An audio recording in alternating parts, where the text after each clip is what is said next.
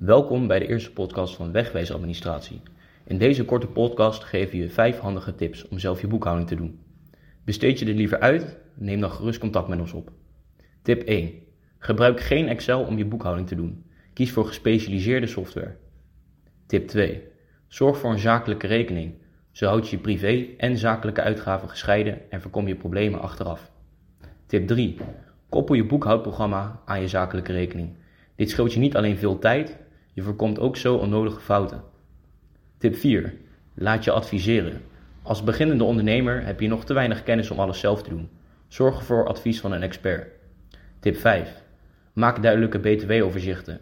Zo voorkom je dat je geld tekort komt wanneer het tijd is voor de komende btw-aangifte. We hopen dat deze tips je op weg helpen. Komende week zijn we terug met een nieuwe podcast. Abonneer je om niks te missen.